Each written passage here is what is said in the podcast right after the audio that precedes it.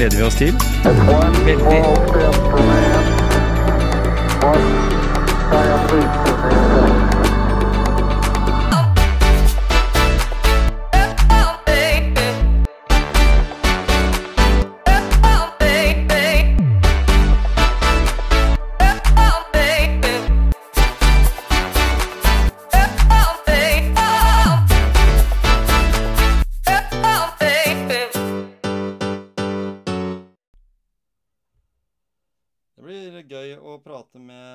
Post eh, i dag, Gisle. Mm, det gleder jeg meg til. Ja.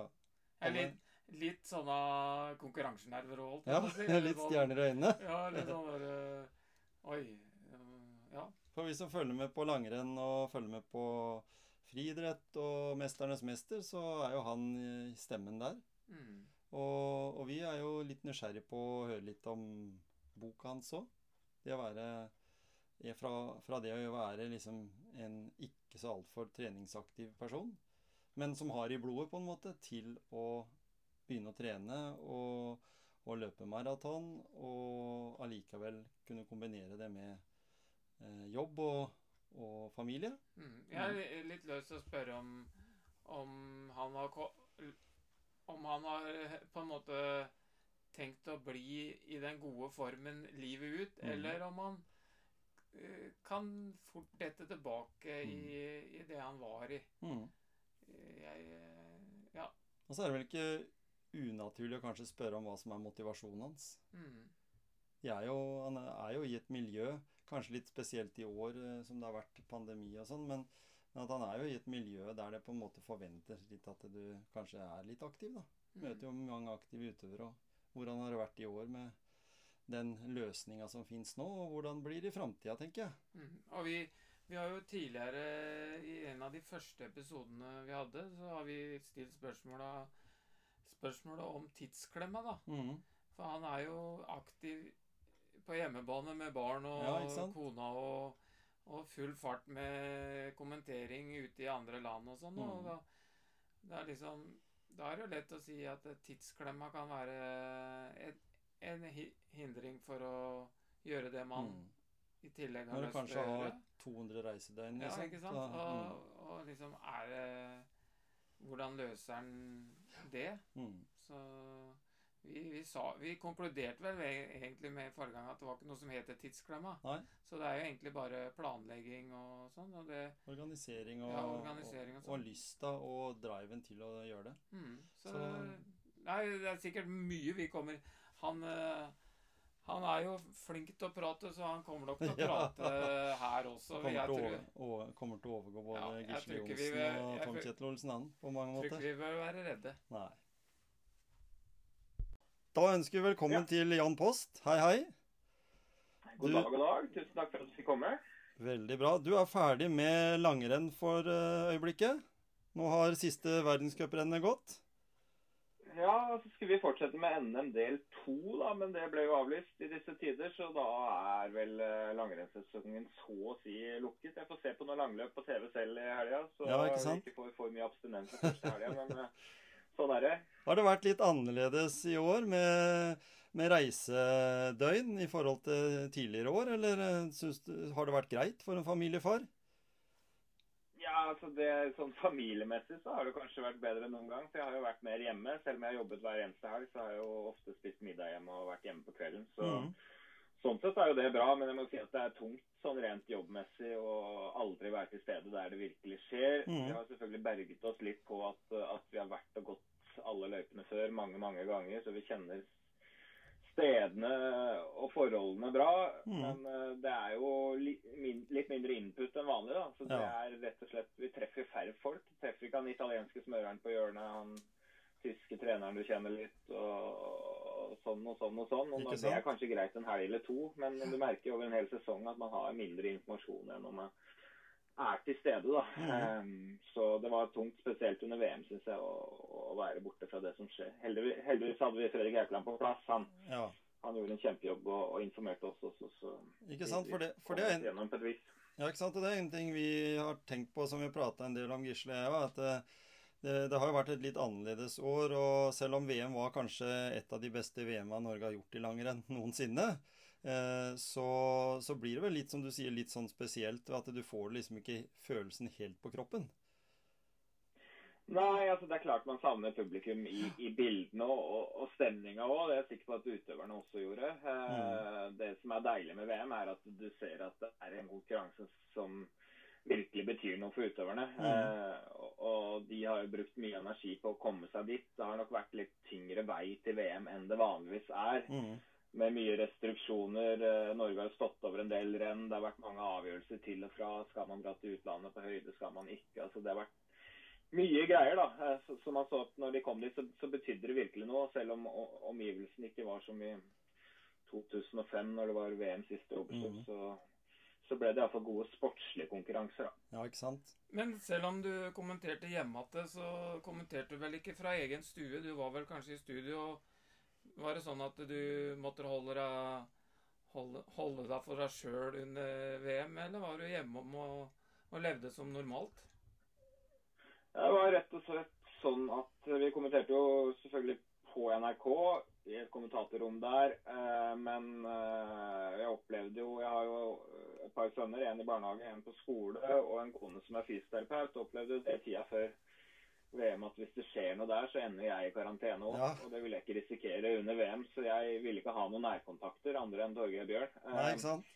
Så jeg flytta rett og slett inn på hotell jeg, i Oslo seks dager før VM og bodde 16 dager på hotell.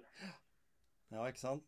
Så du fikk en sånn følelse av det å være i, i, i selve arrangementet likevel.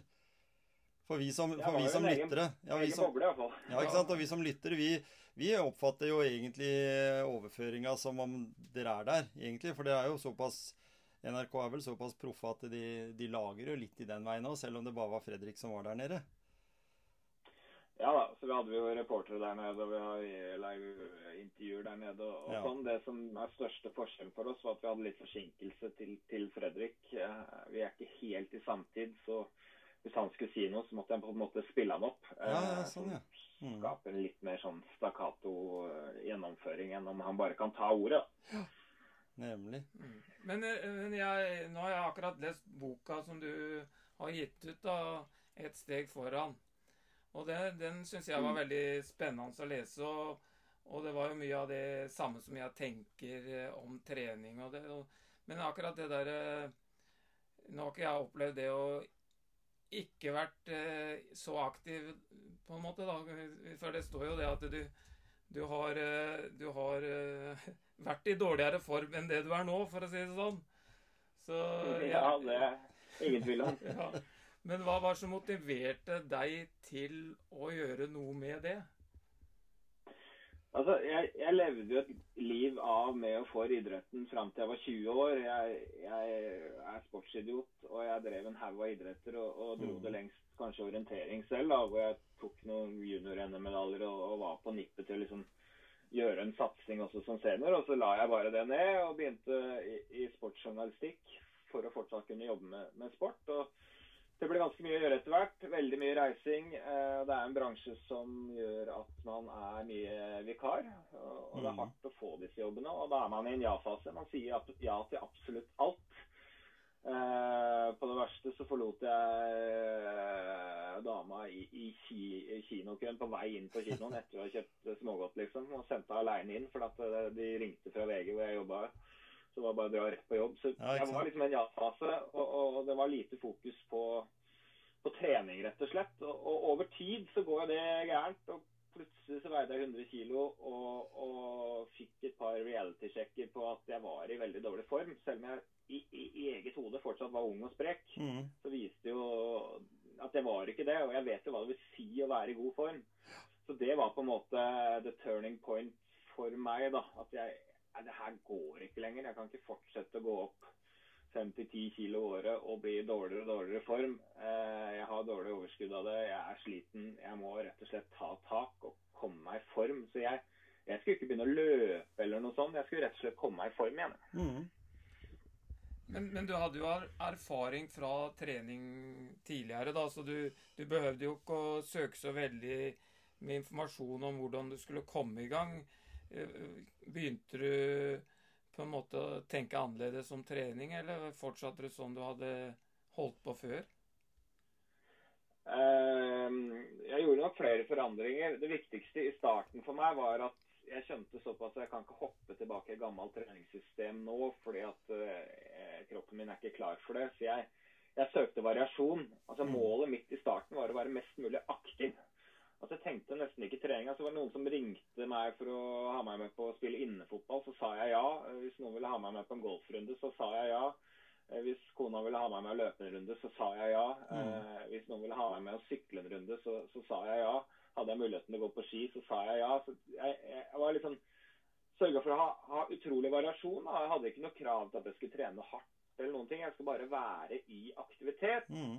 Samtidig som jeg forsynte meg én gang til middag. Og det var egentlig den store endringen jeg gjorde der. Og da, da ble jeg i mye bedre form. Og så etter hvert kom et, eh, et tilbud om å løpe New York Marathon inn fra Thomas Alsgaard, som jeg takka ja til. Så utpå sommeren der så, så begynte jeg å trene litt mer eh, skal vi si, målretta og litt eh, mer eh, systematisk, da. Mm. Den største forandringen for meg fra tidligere i karrieren var at jeg vokste opp på 90-tallet da Bjørn Dæhlie var, var uh, på en måte store forbilder for egentlig alle som drev utholdenhetstrening i Norge, fikk jeg inntrykk av. I hvert Mm. fall mitt. Han var jo mitt store idol, uh, sammen med Alsgaard, egentlig. Og, og alle som leste aviser og fulgte med i media på den tida, fikk jo inntrykk av at han var så god, for han var så utrolig hardt å presse seg selv. Og det var han jo i konkurranser. Alle som har sett femmila i Nagano, ser jo hvordan han detter over mål. Jeg er ikke sikker på at han kommer over mållinja, løfter huet og konstaterer det, og så bare Mm. detter sammen igjen. Uh, og Det var på en måte det som gjorde Bjørn Dæhlie god. Så vi trodde jo at når vi skulle ut og trene intervall eller en eller annen form for hardtrening, så måtte vi ta i absolutt alt vi hadde, og litt til. Mm. Og den som klarte å ta i mest mulig og, og, og, og stå på til man spydde eller lå i grøfta, det var den som på en måte gjorde ting riktig. Mm. Og for meg så førte det til at jeg begynte å grue meg, faktisk. Mm. Eh, til en del trening, og at det ble færre hardøkter enn det burde blitt. Eh, og det tok fra meg noe av idrettsgleden. Så jeg, jeg tenkte at hvis jeg skal begynne igjen som mosjonist, så er jeg ferdig med det der. Altså den derre spytreninga med høye melkesyreverdier, eh, det er jeg ferdig med. Så jeg skal Mm. gjøre det på en helt annen måte. Mm. Og så begynte, begynte jeg å trene eh, på en måte som, som gjør at jeg i hvert fall ikke grua meg til å gå på trening. At jeg hadde litt igjen å gå på på hver økt. Og at jeg kanskje starta intervallene litt roligere enn jeg avslutta. Og, Mm. og at jeg ikke grua meg til neste hardøkt, for det var ikke så ille. Og, og det viste seg jo at man kunne få veldig god framgang også med det, da. Mm. Mm. Det er egentlig, for meg så er det veldig godt å høre at du, du har gjort det og tenker sånn. For at det, i min eh, spede begynnelse på sykkel når jeg var et par og tjue år, så skulle jeg kjøre intervaller. Og jeg klarte jo aldri å gjennomføre en økt jeg hadde planlagt, for jeg, jeg ville jo ha den pulsen opp eh, med en gang, ikke sant. Og, Mm. men eh, det resulterte for meg også i at det blei mer rolig trening, for det var mer behagelig, da. Men det, det gjorde ikke noe egentlig, for jeg fikk jo en god, god base, da. Men etter hvert så har jeg lært eh, mer om denne intensitetsstyring, som jeg tror, tror jeg er veldig viktig å fortelle andre om som tror at de må begynne så veldig hardt for å nå de resultatene som de kanskje har, da. Ja, det er noe med det at, at det er en holdning der ute i samfunnet, spesielt blant de som kanskje ikke har så mye kunnskap, som jeg også ikke hadde som ung, at jo hardere man trener, jo mer effektivt er det. Altså. Så det er bare å trykke bånn gass hele tida, så vil man bli bedre. Men, sånn er jo ikke verden. Eh, så det kan jo være greit å ha i bakhodet.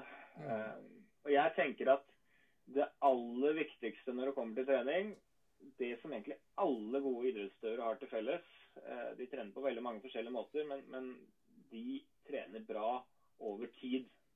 De har kontinuitet. Mm. Det er det eneste magiske treningstrikset jeg kjenner til. Altså, Mm. Det står jo mange om andre magiske triks i, i, i mediene hele tida. Slik kommer du i toppform på fem uker, seks uker, sju uker, bla, bla, bla. Jeg blir jo irritert når jeg leser sånn, fordi at det er jo ikke den som er i best form om to måneder som er vinneren, det er jo den som er i best form om fem år. Ja. Og da er kontinuitet eh, liksom vinneren. Hvordan skal man få til kontinuitet? det er veldig forskjellig, tror jeg, fra person til person. Mm. Og der skal hver eh, person må inn i seg selv, være ærlig med seg selv. Hvordan får jeg kontinuitet på treninga? Og da, da brukte jeg mine ting eh, for å sørge for at jeg har kontinuitet. Jeg fikk jo masse ros for ha løpt 2,55 på maraton etter å ha gått ned 25 kg det første året jeg begynte å trene igjen. Eh, men jeg mener jo at det er jo ikke det som egentlig var kunststykket. Det er jo fortsatt, fortsatt den sakteste maratonen jeg har løpt de ti årene som har gått. Mm. Det er jo det at jeg fant en måte å trene på som jeg har holdt det gående i, i ti år på OK mosjonistnivå. Sånn. Og, og endra livet mitt og fått en ny livsstil. Det er jo det jeg burde fått skryt for, tenker jeg. da, Ikke bare hva jeg gjorde det første året. Det stuntet kunne en del fått til, men, men du skal få det til vare, da. Ja. Mm. Jeg, tenker, jeg tenker at du kanskje har som motivasjon å ikke komme tilbake der du var i dårlig form, og heller, som du sier, se som et livsperspektiv, da, og kunne holde på. Ja, altså det er et livssyn. Altså Jeg vil ikke tilbake dit. Det var ikke noe bra sted å være, verken for hodet eller kroppen min. liksom.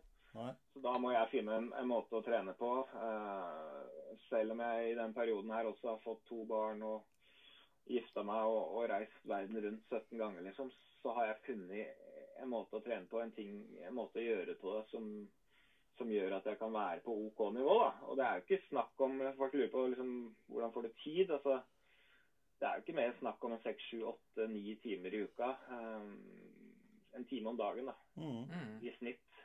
Og du, og du har jo og du har tilpassa det litt sånn i forhold til tidsklemma òg, har du ikke det? Eh, sånn som jeg har i hvert fall fått forståelsen av gjennom det jeg snakka med Gisle, at, eh, at det tida er litt viktig. At du kan trene litt før frokost og litt eh, etter eh, Eller i barne-TV-tid og sånne ting. Sånn er det i hvert fall når en har små barn.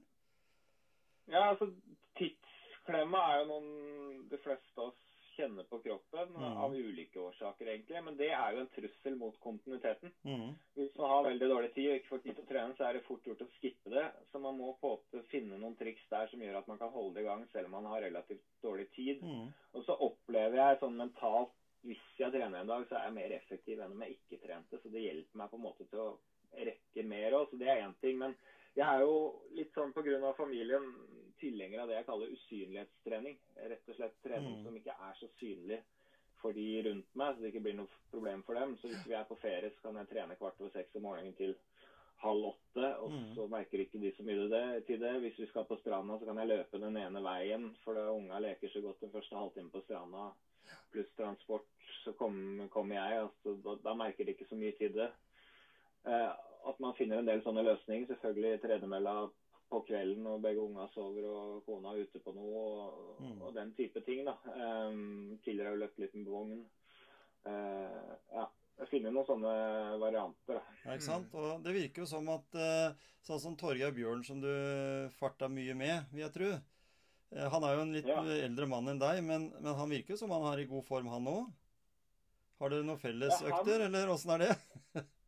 Ja, han er ikke i dårlig form. Han Nei. har trent hele, livet og har jo fantastisk god form. Han gikk i OL for Norge og VM for Norge. Har en ellevteplass i OL på femmila i 88. og han, han, Hvis han har anledning, så trener han hver dag. og han, eh, han kan virkelig gå på ski. Han går fra meg på ski. Vi, han er ikke så glad i å løpe annet enn i terreng og på fjell og sånn. da. Nei, nei. Så, så vi løper ikke så mye sammen, men det hender vi, og vi går noen skiturer sammen. Men uh, vi, vi legger ikke så mye sånn felles opplegg, men vi trener ofte på samme tid. da. Ja, ikke sant? Så en får den muligheten. Vi, litt forskjellige folk. ja, ikke sant? Vi hadde med Oddbjørn Hjelmeset her, og en av de beste turene han hadde, som han sa her, det var jo å gå tur med bikkja. Det var hans eh, gode trim. så det er bare å finne sin formel. Jeg tror han trener litt mer enn bare å gå med bikkja. Jeg tror si tror nok sånn. det. er Han, han er god på usynlighetstrening, han òg. Ja. Knallhardt på mølla seks om morgenen. Han, da. Ja, Ja, men ja, en som heter Jørn Fjellhavli, en syklist, som sa til meg en gang eh, Du må være smart, Gisle. Du må sitte hjemme på rulla og trene. For da, da er du hjemme, liksom. Så det, Mhm. Det, det er det å finne de der eh, smarte triksa, da. Hun partneren er fornøyd med det at ja, du var jo hjemme. Ja. Du er tilgjengelig. Ja, Det er, litt, ja, men det er noe med å finne balanse, da. ja ikke sant? sånn at det ikke sliter for mye på noe eller noen. Sånn at Mm. det er gjennomførbart over tid. Jeg liker jo ikke når jeg kommer dit igjen at jeg føler at jeg må ting. Eh, det hender at når det er en måned igjen til maraton, at jeg liksom tar noen litt råere valg enn jeg tar ellers i året. Eh, da er jeg litt tilbake mot den følelsen jeg hadde kanskje før jeg var 20 år eh, noen ganger. At Mm. ikke alt er så livsbetont. Men jeg er jo glad for det når jeg kommer på selve maratondagen. Men det, det er de få gangene jeg liksom tipper litt inn i den, da. Men da er jeg litt da er jeg i ferd med å gå inn i en konkurranseboble igjen. Ja, ikke sant? Jeg, jeg sa jo til Gisle her i stad, og det er liksom min referanse. Det er eh, deg kommenterte i etterkant at du hadde gått Monsterbakken en gang i Tour de Ski. I hvilken Ja. form var du da? For da husker jeg du var, da var du ganske sliten selv under det, det inntrykket jeg fikk av at du hadde gått opp der. For det er jo sinnssykt, egentlig, men allikevel. Ja, altså det, det var jo egentlig vendepunktet. Dette Ja. her var noen dager ut i januar i 2011. Mhm. eh, Et par dager før jeg virkelig begynte å trene igjen i livet mitt. Og, det var jo en av de opplevelsene som gjorde at jeg virkelig opplevde at jeg var i dårlig form. fordi at Mhm. Thomas Alsgaard skulle gå opp den bakken og ha med seg kamera og mikrofoner opp der og fortelle åssen det var, men så var han blitt sjuk. Ja. Eh, Så da var det et lyst hode i den redaksjonen som fant ut hva skjer hvis mannen i gata går opp denne slangbakken, Og så var mannen i gata meg, og så starta vi, da. Og da tenkte jeg at det her går vel OK. Men det var, altså, jeg var jo så dårlig form at selv om jeg tok mange juksepauser her, så, så sank liksom ikke pulsen. Og det var et sant slit å komme seg opp, da. ja. Og det ble sikkert litt sånn halvaktig TV, da, for det var jo en sliten mann som var vant til å sitte på rumpa og, og prate og spise vafler, som endelig måtte ut i, Mm. i en bratt motbakke der som varte og varte. Men eh, jeg syns jo egentlig ikke at det var så morsomt, Nei, det, personlig. For det- det, det var en dårlig opplevelse. Altså. Da oppdaga jeg at det er såpass dårlig stilt, ja. Mhm. Jeg husker jeg syns det var en god prestasjon, altså. Det skal du ha. fordi For jeg ville jo tenkt det sjøl opp den bakken. Og som du sier, med de, med de forventningene en har ofte av en uh, sportskommentator, da. For det er jo ikke en selvfølge at en skal være Altså Forgjengere av deg, sånn som Arne Skeie og Rolf Hovden og disse her, de var jo ikke på en måte kanskje de som hadde så veldig tid til annet enn å gå tur. Så Nei, altså Det har jo vært litt forskjellig oppi ham. Eh, Arne Skeie han eh, har småyoga i, i Frognerparken hele sitt liv, så han holder seg aktiv. Men det er jo ikke alle som har gjort det. Og det er noen som spøker med nå at de treffer eh, fortsatt eh, sportsjournalister i resepsjonen på hotellet halv sju. mm. Før var de på vei inn eh, etter vært på byen. Er de på vei ut på trening.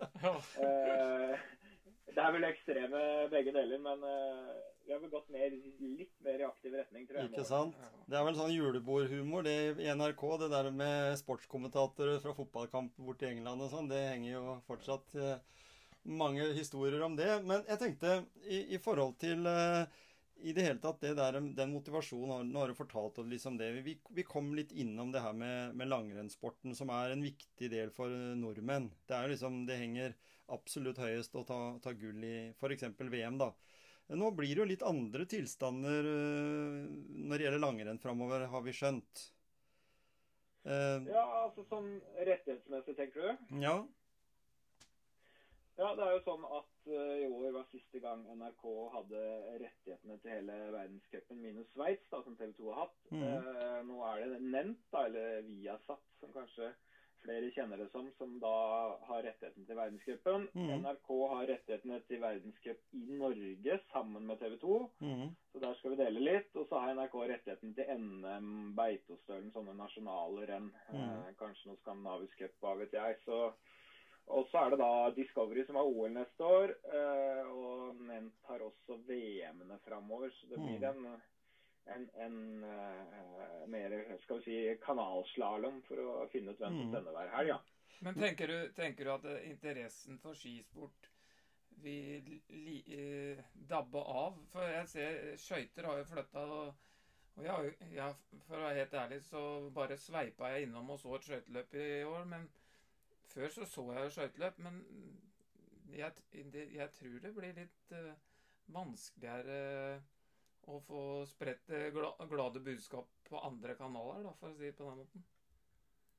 Du kan jo si at, at sjela til NRK-sporten har jo vært det vi kaller flatesendinger. Altså at man kan skru på TV-en klokka ni på, på, fredag, nei, på lørdag og søndag, og så er det fram til klokka seks-sju så er det sport. på en måte, mm. og Det har vi mange gjort. og Og da drar jo idrettene fordel av hverandre. For Mhm. det er alltid live idrett som går der. Og, og skøyter, når det gikk over til nevnt, var jo da plutselig den situasjonen at de var alene. Men de vil nok styrke seg nå igjen, for nå går ikke sant, alpint, Mer sport, ja. hopp, Mm. eh, kombinert eh, og langrenn over. Så de Mm. vil vel også ha noen form for den type flatesendinger, Mm. vil jeg tro. Eh, om de kjører alpin kanal eller hva de gjør, det, det veit jeg jo ikke. Det er ikke innsatt i. Men eh, det, er, det er tyngre å dra det lasset alene. Mm. Eh, Og det blir på betalte Og det blir jo på mellom langrenn og, Mm. langrenn og skiskyting plutselig, så har du mange seere med på kjøpet, da. Og det blir mer, mer TV-varianter, og det er jo for så vidt folk klar over, i, i hvert fall hvis ikke abonnementene er altfor mye mer enn Netflix. Men, eh, men jeg vet jo flere kompiser av meg som har droppa fotballen, liksom, når den prisen økte på TV2, fordi så mye var ikke fotballen verdt, liksom. At det til og med ikke det engang, for mange som fotballen betyr alt. Så, så det har litt med den der kombinasjonen. Men, men, men dine planer, da? Du har sikkert Nå kommer vi inn i våren, og du, er det noen viktige løp du skal delta i ut fra de forutsetningene som er i 2021, eller? Ja, det er vi vel alle spent på, som liker å mosjonere litt med startnummer av og til. I Mhm. fjor skulle jeg løpt eh, var det vel Berlin, London og New York. Det, Mhm. Ingenting av det ble noe av. Det ble noen få lokale løp, eh, egentlig. Akkurat nå er det ikke noe som er tillatt. Vi har Berlin Marathon på høsten, som egentlig er årets store mål. Så får vi se om det blir noe av. Hvis ikke så blir det vel forhåpentligvis åpna for noen mindre konkurranser i Norge igjen i noen noen fine traseer, så det er mulig å, å, å få testa seg litt. Akkurat Mm. nå så er jeg mest opptatt av å, etter en, en travel vinter, eh, komme i litt mer målretta trening enn jeg har hatt. Ja. Jeg har liksom løpt en åtte-ni mil i uka siste, men kanskje trappe opp litt og få litt mer struktur på det. Mm. Sånn at um, jeg får litt følelse av flyt litt oftere. Ja. Det liker jeg. Så du, er- du, er, du er fortsatt motivert? Det har ikke gjort noe med motivasjonen din i forhold til trening, det at eh, vi ikke helt vet eh, hvilke konkurranser vi kan være med på? Ja, jeg savner jo de der virkelig store løpene som liksom er sånn høydepunkt én til to ganger i året for meg. For det er veldig eh, fine målsettinger, og de er liksom turer som er betalt lenge i forkanten. De er, de er satt opp uh, flere kompiser som skal på tur osv. Så, videre. Mm. så jeg, jeg liker jo det og savner det. Uh, men det har ikke fått tatt bort den, liksom, den daglige motivasjonen til å, å trene. Men det har tatt bort Kanskje at jeg en måned eller to i året kjører litt heftigere trening og kommer meg opp på det siste nivået som jeg har hatt inne. da. Så Mm. Nå er det litt mer sånn jevn trening uten, eh, uten de store skal vi si, utskeielsene. Ja, jeg kjenner på den samme følelsen, jeg òg. For jeg hadde København Ironman, som jeg skulle være med i, i, i fjor, da, den er jo flytta over til i år, da, men jeg tviler jo på om det blir noe. Mm. Så, så akkurat å ta det derre Jeg klarer den daglige treninga, men akkurat å ta de der ekstraøktene, sånn som du sier, de, de er litt verre, altså. For å, for å være helt ærlig. Ja, altså Ja, det er tungt, men man kan jo finne noen alternative mål, da. Jeg har jo Mm. tenkt også at hvis ikke det blir noe av i år, så skal jeg løpe noen strekninger. Eh, kanskje på fjellet, kanskje lokalt her, Romeriksåsen på langs. Andre ting som jeg har lyst til å gjøre. da, som Mm. Kanskje løpe rundt Hurdalssjøen en dag, som er fem mil. eller det, De passer jo veldig sjelden inn i sånn vanlig program midt på sommeren. Hvis jeg har en maraton jeg trener mot, så er kanskje de eh, ødelegger trening en uke eller to, og så vil jeg Mm. ikke gjøre det og sånn. og At jeg kan finne meg noen sånne, sånne mål. da, Ja. Gjøre noen ting lokalt som jeg har lyst til å gjøre. Ja, det tror jeg er et godt råd uh, til flere som kanskje sliter litt med motivasjon. For, og det finnes av de tinga som, som ikke passer inn, som du sier, når du forbereder deg til det andre. Mm. Det var ikke dumt. Det, Og når du henter litt inspirasjon fra Ja, det. ikke sant? Veldig bra. Og det fins jo når du snakker om sånne litt lengre løp som det der, da, sånn dobbel maraton eh, etter hvert, da, hvis en tenker sånn ultraløp, så har vi hatt med en kar her som var, er ultraløper tidligere i en episode. Eh, er, det, er sånne traseer noe aktuelt for deg?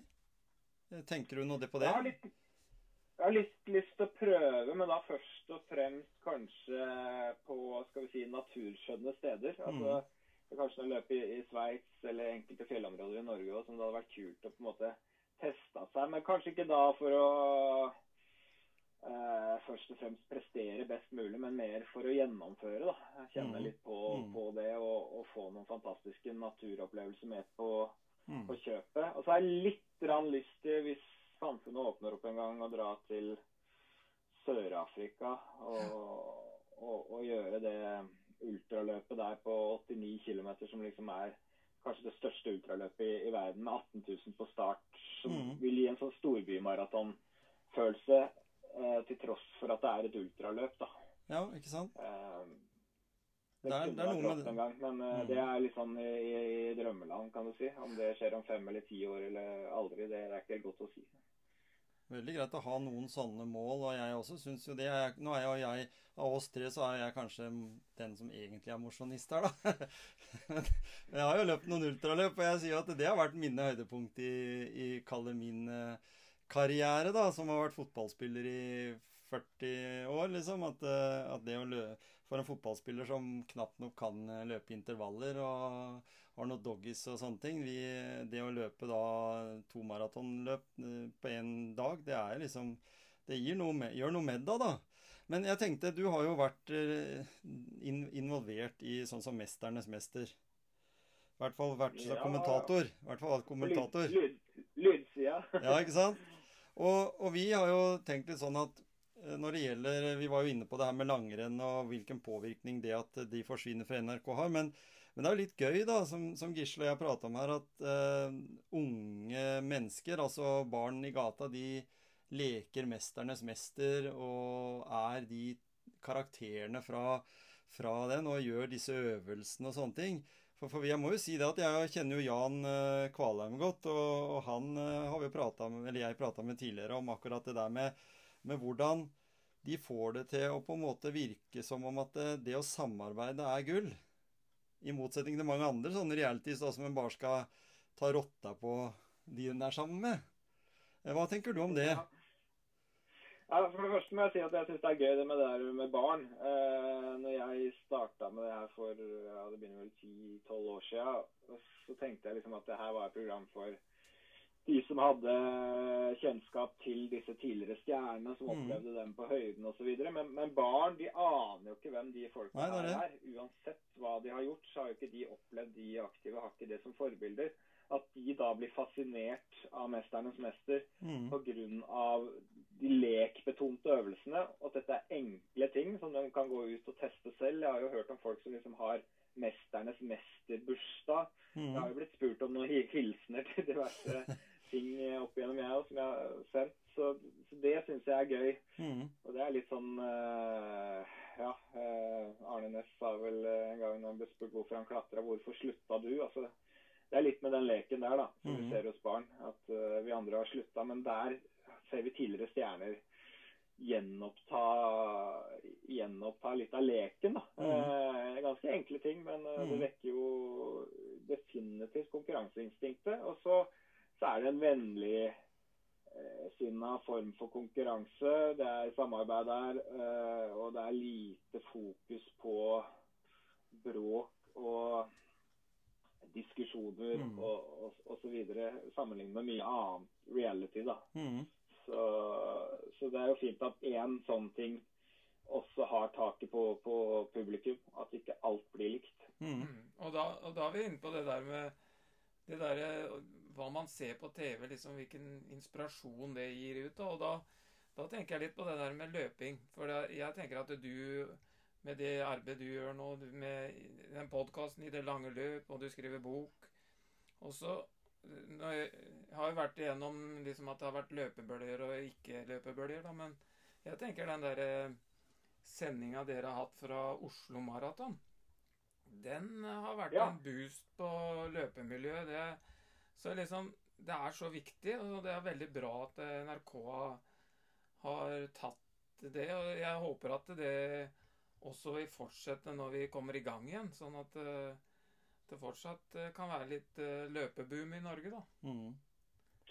Jeg tror jo at eh, det har blitt mer oppmerksomhet på løping av flere, flere årsaker. Eh, først og fremst fordi at vi har fått noen fantastiske løpere i, i det landet her. Eh, og at også unge ser at dette er en idrett man kan hevde seg i. Man trenger ikke å være født i Kenya eller Etiopia Nei, ikke sant? For å nå, nå toppen. Og, og, og denne TV-serien til Team Ingebrigtsen som veldig, veldig mange ser på, Mm.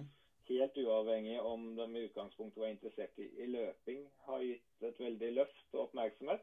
Mm. Eh, og så har man fått da noen av de der store idrettsopplevelsene gjennom eh, VM og EM i friidrett, som kanskje var forbeholdt eh, vintersport, eh, med noen unntak selvfølgelig, eh, i mange år. da, Så man får liksom den derre litt fellesskapsfølelsen også av store idrettsøyeblikk innen friidrett da, og, og løping. Sant? Og da har jo nasjonen vært litt samla. Jeg tror de øyeblikkene er er viktig. Og så er det jo da naturlig at når interessen stiger, så, så vil jo media og flere dekke det mer, ikke sant. Mm. Det, det, er jo, det er jo litt kynisk eh, mediebransjen, og det, det telles jo klikk, og det telles antall seere. Så med en gang interessen blir større, så blir det flere produkt, og så er det kanskje flere som løper selv, som da får et forhold til det, og så Mm. ruller hjulet. da. Så får vi Mm. håpe at det hjulet fortsetter å, å rulle. Ja, for du- har jo fått lov å ta del i den eh, eh, boosten der òg, tenker jeg. Det må jo være en god motivasjon for deg, det da, eh, i forhold til langrenn, som, som, som gjør det så bra i, og du møter Som du sier, du savna jo litt det å ikke møte de, men allikevel. En er borti ganske mange eh, ganske sånn La oss si at eh, noen av Johaug og, og Klæbo de har jo noen sånne sinnssyke evner til å være best når det gjelder, da. Eh, og det samme gjelder jo som sagt i friidrett. Det er jo kanskje sånn fra min side Jeg drev med friidrett som ung sjøl, og jeg vet jo det at de prestasjonene de gjør, er jo sånn på i verdensmålestokk eh, mange, mange ganger høyere enn det som de gjør i langrenn. Hvis en tenker sånn. Det er jo ikke til å komme unna. Ja. ja, det er jo vanskelig å si eksakt. da, for Selv om en idrett i verdensmålestokk er mm. liten, så kan man ikke si hvor gode toppene er. Nei, nemlig. Jeg tror jo Therese, tror jeg, Therese Johaug er en ganske unik utholdenhetsutøver uansett idrett, tro, tror jeg. Men så vil det i de største idrettene være flere som er tettere på, så at bredden i toppen nok er større i en del andre idretter. da. Mm. Um, men, men toppnivå altså, Det er jo Friidretten er fin, for den er så målbar. Du kan måle noen gamle dager. Du kan måle eksakt hvor god du er i forhold til i fjor og året før. Og, og så har det noen skodiskusjoner osv. Og, så videre, og så har det gått fra grus til, til litt bedre banedekker og sånn. Men eh, langrenn har man jo ikke det. Men man har jo f.eks. O2-opptak, da. Eh, målt i milliliter per minutt per kilo. Og når du ser langrennsløpet som Bjørn Dæhlie hadde 96, da, så finner du ikke noen utholdenhetsidretter det er noe særlig høyere i. Nei. er veldig mange utholdenhetsidretter som er oppi det. Så det, det er jo et slags bevis på at det er rimelig høyt nivå på det der. Nemlig. nemlig. Mm. Um, Det kan jo, det kan jo bare se på, på roing. Det, det er jo ikke noe det er jo ikke en veldig stor idrett, spesielt ikke i Norge, da. Men eh, jeg pleier å si den råeste mannen i Norge, det er Olaf Tufte. så, Ja da. så det har ikke noe å si på hvilken størrelse det er på idretten, kanskje. Nei. Nei. Det har nok med Nei, jeg tror å gjøre. at det, jeg tror det er mye gode treningsmiljøer i enkelte mindre idretter. Og Mm. det kreves skyhøyt nivå for å ta et OL-gull ofte, da. Mm. Uansett størrelse på den idretten. Men, men bredden er ikke den samme. Men det, det der får du aldri målt eh, eh, eksakt. Altså, det blir jo synsing fra min side, akkurat som Ja. de som mener det motsatt. Du kan jo ta det utgangspunktet. Du nevnte jo her tidligere at du hadde vært litt borti orientering, og vi så jo det i siste 'Mesternes mester' at hun som var med der, eh, kom jo veldig langt. så, så det er klart at det, da kan jo en tenke mindre idretter òg, som du bare liksom sveiper forbi mange ganger. Fordi du, de løper inn i skauen, og så kommer de ut i andre enden. Eh, gjøres jo ikke sånn, sånn type reportasjemessig så veldig spennende heller. Så det er klart at det, de En skal kanskje klappe de ekstra på skuldra og si at det det er der de virkelige idrettsheltene er. For de har jo egentlig bare seg sjøl å, å takke for at de er der, og, og nettverket rundt seg, da. I forhold. Ja, De er iallfall drevet av en veldig indre motivasjon. Da. For det er ikke noe ytre motivasjon i form av penger og offentlig heder og ære. De har et uh, genuint ønske om å bli best mulig i, i Mhm. sin idrett. Og ofrer ofrer like mye som de som er gode i mye større idretter, til, til å bli så gode. Og, og da, da skal du være motivert. Altså, for du, Ja. Eh, Du legger jo lokk på en del, selv om en del i orientering selvfølgelig har topp utdanning og sånn, så er det noen som ikke gjør det. Og, og, og da setter du på en måte hele livet på vent. Skal du begynne å studere som 35-åring, så, så ligger du litt etter resten av verden. Så jeg Mm. syns det Jeg syns eh, det er rått mange av det i sånne type idretter gjør. Mm, og det, det er jo sånn en kan komme inn på nå sånn her på tampen nå, i forhold til det når du snakker om utdanning. For det er jo mange som sier det at eh, en snakker om i fotballklubber at uh, en skal gi rom for at uh, spillerne skal få muligheten til å ta utdannelse. Fordi det kommer en tid etter karrieren. Uh, der er jo enkelte idretter, spesielt disse idrettene som kanskje trener mest i antall timer, som greier å få til liksom å bli diplomøkonom eller, eller ingeniør eller, eller liksom Ja, de får en ordentlig, skikkelig utdannelse og, og er der, mens mange fotballspillere de tar lærerutdanning eller sykepleier eller hva det måtte være etter at eh, karrieren er over. Så der Hva som gjør den? Eller tenker du, Har du tenkt noe på det? Hva som gjør at de har sånn ekstra eh, evner? Innen skiskyting har jo også vært noen som har, gode utdannelser, men de trener jo utrolig mye.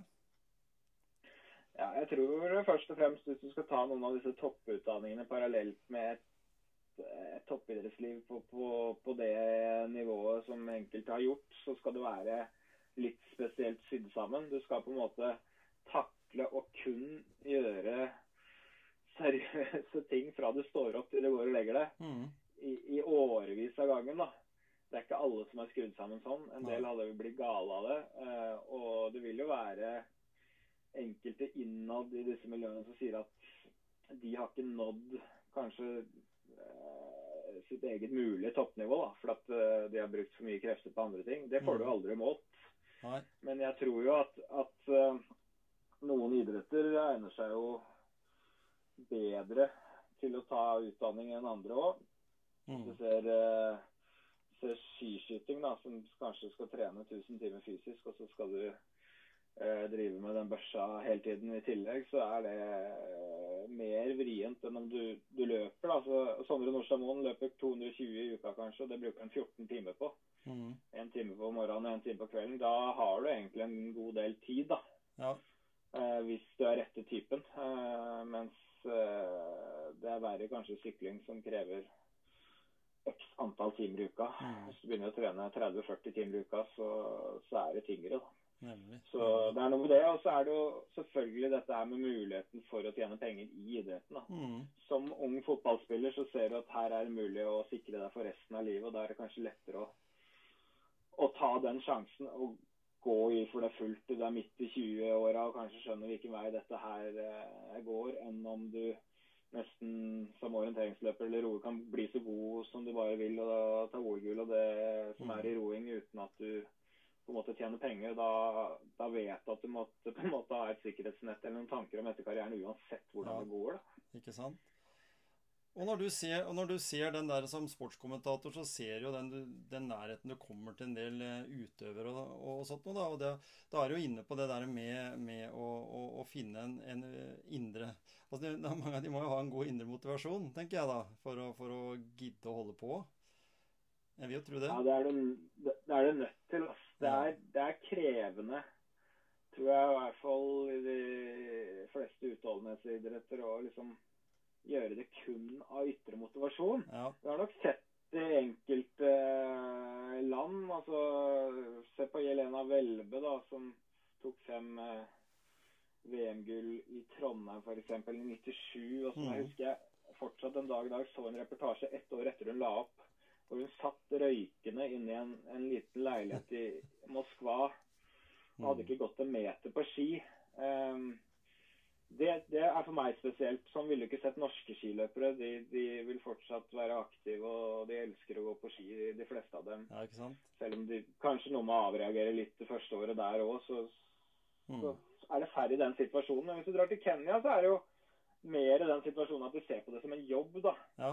Jeg har hørt at Haile, Haile Gebre Selassie, han er etioper for så vidt, da, men han ble spurt om unga hans løp, og så skjønte han nesten ikke spørsmål. Hvorfor i all verden skulle de løpe? Jeg har jo løpt. Det er jo inntekt her. Vi, vi klarer oss bra. Hvorfor skal Ja. de løpe, liksom? Og?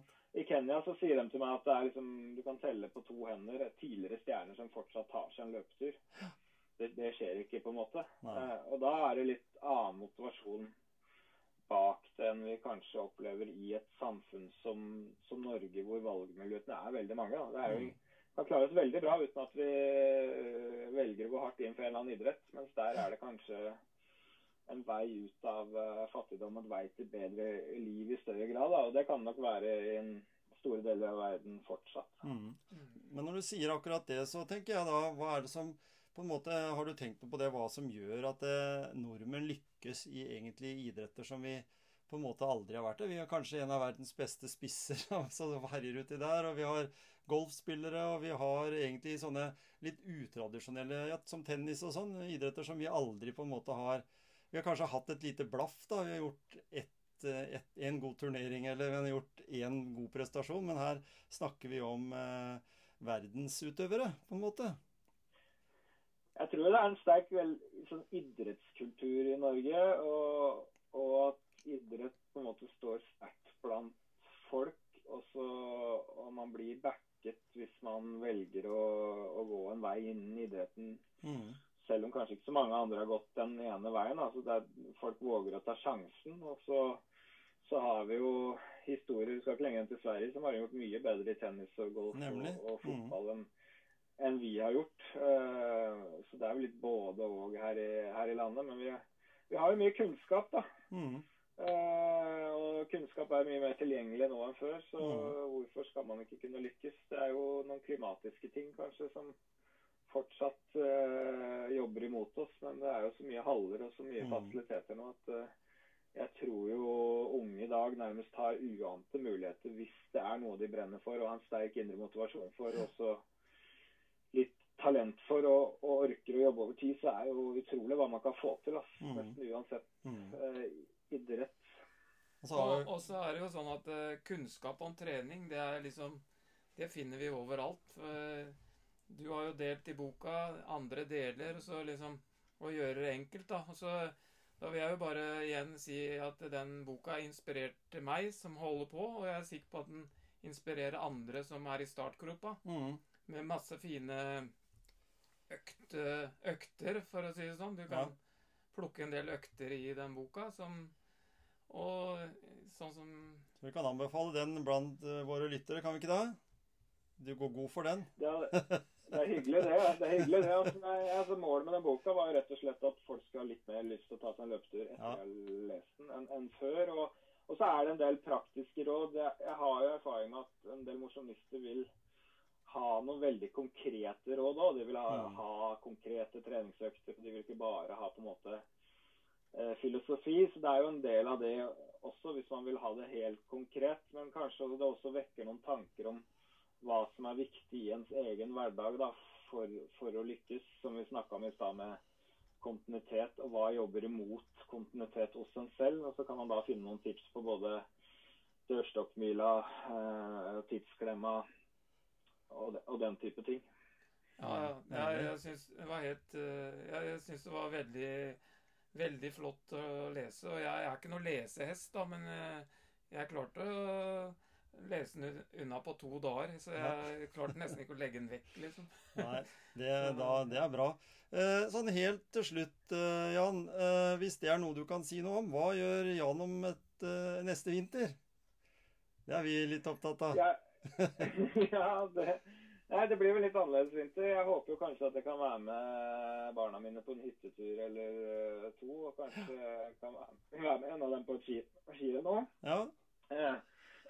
Og, så, og, så, skal vi nok kommentere OL på radio. Jeg håper at det blir noe verdenscuprenn på radio. Og så ja. blir det noen nasjonale renn på TV. Mm.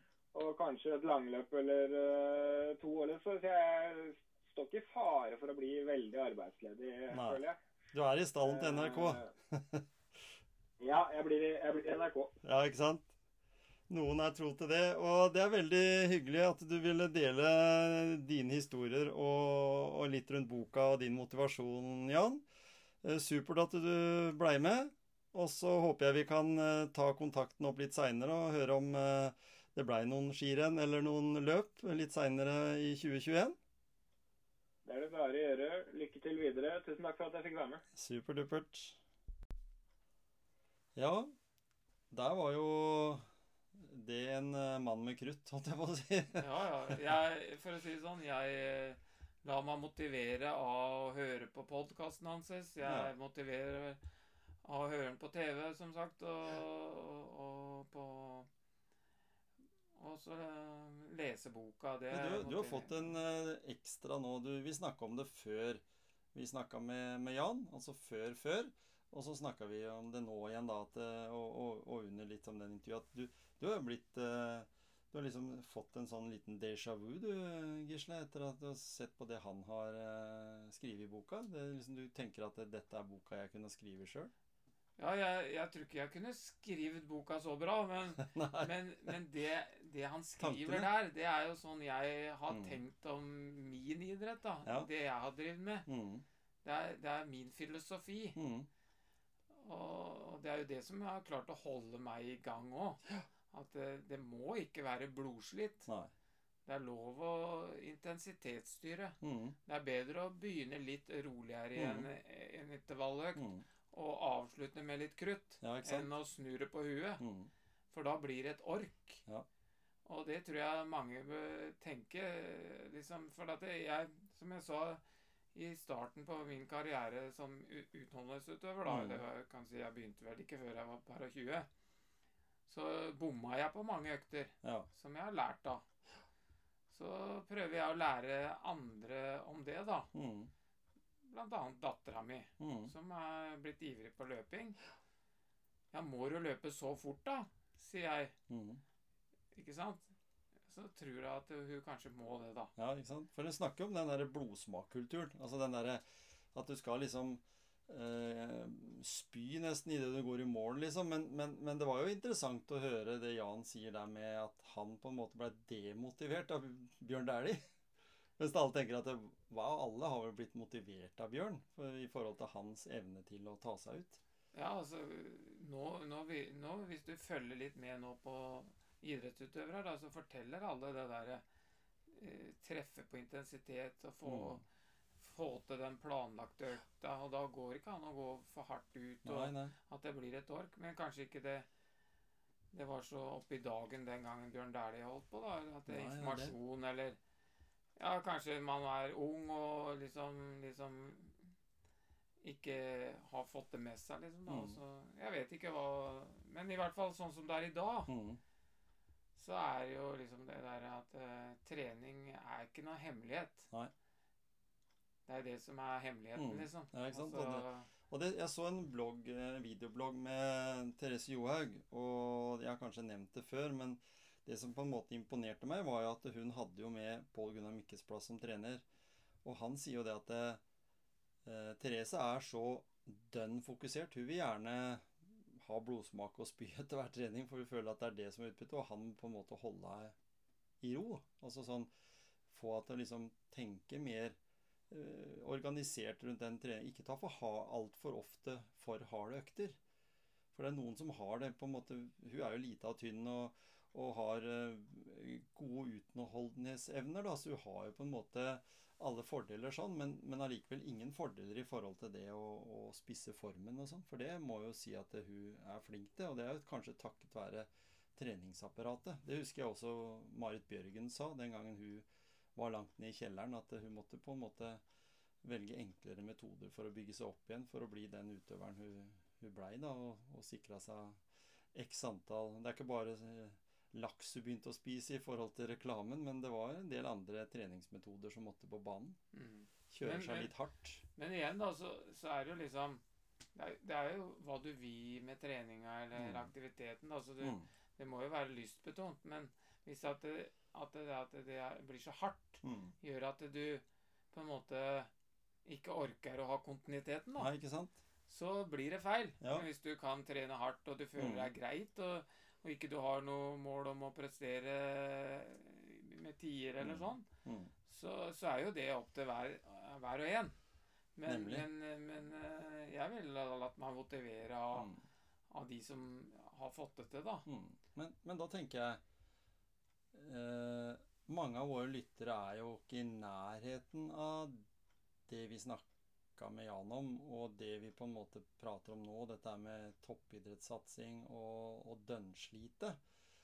Mange av våre lyttere er kanskje ikke mosjonister engang. De er kanskje bare Ja. Trimmer her. Hvis vi skal Ja, legge grader på det. Ja, ja. Og, og hva, hva tenker du om boka til Jan? da? Tenker du at den kan være en motivator for også trimmerne? Altså i forhold til det å se hva en person For han på, var jo ned, eller oppe i en vekt som på en måte begynte å, begynte å føle at dette her blei et problem, sikkert.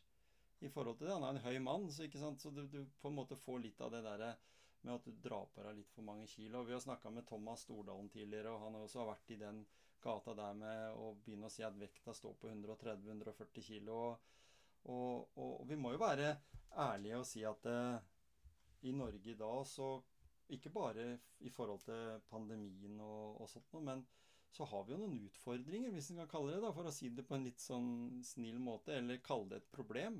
Eh, at vi, vi har litt for høy gjennomsnittsvekt på en god del mennesker. Mm.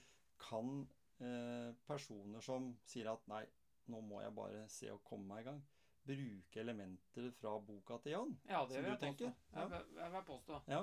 Og hvis det er folk som har øh, hatt det samme som han, da, at de syns det ble et ork, da. Mm. Eller syns det er et ork. ja. For at de tror kanskje at øh, hvis de skal ut, så må de liksom ha ja, den der løpende bussen-følelsen. ja, ja. Ikke sant? Så kan jeg godt lære mye av der. Ja. For det er ikke Så sånn hvorfor heller ikke begynne sånn helt rolig, da? Og så Ja. gå seg inn i turen. Mm. Og gå seg inn i økta. Ja. Hvis vi snakker om å gå. Mm. Begynn alltid rolig nok. Ja. Og så, og, så, og så jobb deg inn i økta. Også som Jan også sa, ikke ha dårlig tid. Ikke tenk at eh, sånn som. Quick fix. At det fem, på fem uker få toppformen på fem uker, som det står i avisa. Eller få, bli, få, få sixpack på, på tre uker, ikke sant? Bare hjemme. Ja. Altså sånne, sånne eh, ting som ikke betyr noe. For eh, livet skal du jo leve. ja, og hvorfor skal du gjøre ting på fem uker som ikke du har gjort på ti år? da? Nei, ikke sant? Det, det, den, det klarer ikke jeg å se, da. Nei. Og, da, og så blir det den derre eh, Kanskje Altså, jeg tenker på det sjøl. Jeg er litt sånn rastløs når det gjelder trening, så jeg skifter ut noen elementer. Eh, I en periode så tenker jeg at åh, løpe det orker jeg ikke, så jeg sykler isteden. Eller går langrenn i vinter, som jeg ikke har gjort på mange år. Men, og fotball har ikke vært noe av, så det har jeg ikke spilt. Eh, eh, men da må finne andre muligheter, andre aktiviteter. Eh, så er det noe med det der at du Som sagt, går, går litt grann lei, da. Hva, hva tror du om det hvis, hvis en finner seg nye arenaer å, å være aktiv på? Tror du, tror du det er Hvis du får den der følelsen åh, jeg er så drittlei av å trene, være aktiv, syns det har vært deilig nå å slippe. Eh, hva, hva, hva tenker du om sånn bare vanlig modus tur? Altså ta med seg sånn som vi snakka med, med Anita Valen tidligere, som nevnte det å bare komme seg ut i naturen. Erik sa det samme. Eh, det er jo en rød tråd i det. Ja, altså Kan vi jo glemme jo- litt den der uh, maniske følelsen av det at Ja. du må trimme, du må betale x antall kroner på treningssenter, du må Fikk en uh, pra med dattera mi her i, tidligere i dag, og da snakka vi om Hun hadde fått tilbud om personlig trener. 3500 i måneden. Hvis du skulle ha liksom bare fire-fem runder med en personlig trener. Hva mer kan den personen gi enn å gi av seg sjøl? Kan, kan vi i Motivasjonspreik fortelle til folk at eh, her kan du få en podkast som du kan lytte litt på, og så kan det være en, kanskje en motivasjon for deg, eh, og helt gratis? Mm. Bør, bør ting koste? Alltid. Nei, Målt i penger? Det, det bør ikke. Altså, vi, det, vi har jo snakka om det hele tida. Mange, mange i Norge og i områdene der vi bor, da. Vi har jo treningsstudio rett utafor døra, på en Ja. Men, eh, men ikke vi, vi, jeg, jeg det- slår et slag for treningssenter. Det er òg, veldig bra. Og hvis du trenger en eh, PT for å komme deg i startgropa, Mm. og føler det er greit, så, så ser jeg ikke noe det, ser ikke det noe feil i det heller. Nei. Så det, du må vel liksom finne din greie, da. Hva motiverer deg, og Mm. hva liker du? Det er jo veldig ålreit å treffe andre mennesker. Og Mm. så, så, og så jeg slår jo slag for gruppetrening igjen, da. Ja. Så det er mange veier eh, til rom. ja. Men eh, det er noen sånne Jeg tenker det er noen kjøreregler, ja. Mm. At eh, kjøreregelen må være ikke start for hardt. Ja. Ikke gape over for mye. Mm. Jan sa jo det. Han begynte jo i det små igjen. Hvis vi kan kalle det. Var med Mm. på masse forskjellige aktiviteter. Han kalte det ikke trening engang, Nei. Som vi har snakka om tidligere. Han Mm. kalte det aktivitet. Mm. Og så glei han bare inn i det sporet I han det kom sporet. nå. Ja. Så liksom det er, jo, det er jo veldig mange som har gjort det. Mm. Jeg har jo for så vidt gjort det sjøl når jeg begynte å sykle. Jeg hadde jo ikke peiling på hva sykling er. Nei, nei. Visste ikke hva nivået var. Eh, Så bare Det blei bare naturlig etter hvert å Mm. være med på mer og prøve Mm. andre ting. Og så ja. Og så behold leken, liksom. Ja, Lek og ha det gøy. Konklusjonen her på slutten da, det blir at uh, at en må le, være leken. Og jeg syns det er gøy, selv om en har blitt voksen, og, og, og gjøre det en har lyst til. Ja. All aktivitet er bedre enn ingen aktivitet. Det er Er ikke det klart. sant, da? Jo, jo. Helt klart. Og Mm. så Ja, hvis du har alternativ å kunne gå trappa framfor å ta heisen, så begynner vi der. Det har vi snakka om før. Det har vi snakka om. Og, og sånn. Så jeg kan jo si til alle mine kolleger på sykehuset at det, i det bygget jeg jobber i, så er det tre etasjer, og den heisen den blir altfor mye brukt. Eh, skal ikke si noe mer om det. Nei da. Ikke av meg, da. Men, Men av uh, nå må jeg nesten gå, for jeg må hjem og lufte bikkja. Ja. Og da sier vi takk til uh, følgerne våre. Håper vi har hatt en glede av å lytte på Jan og, og litt uh, motivasjonspreik-gutta. Så takk for denne gang. God helg. God helg.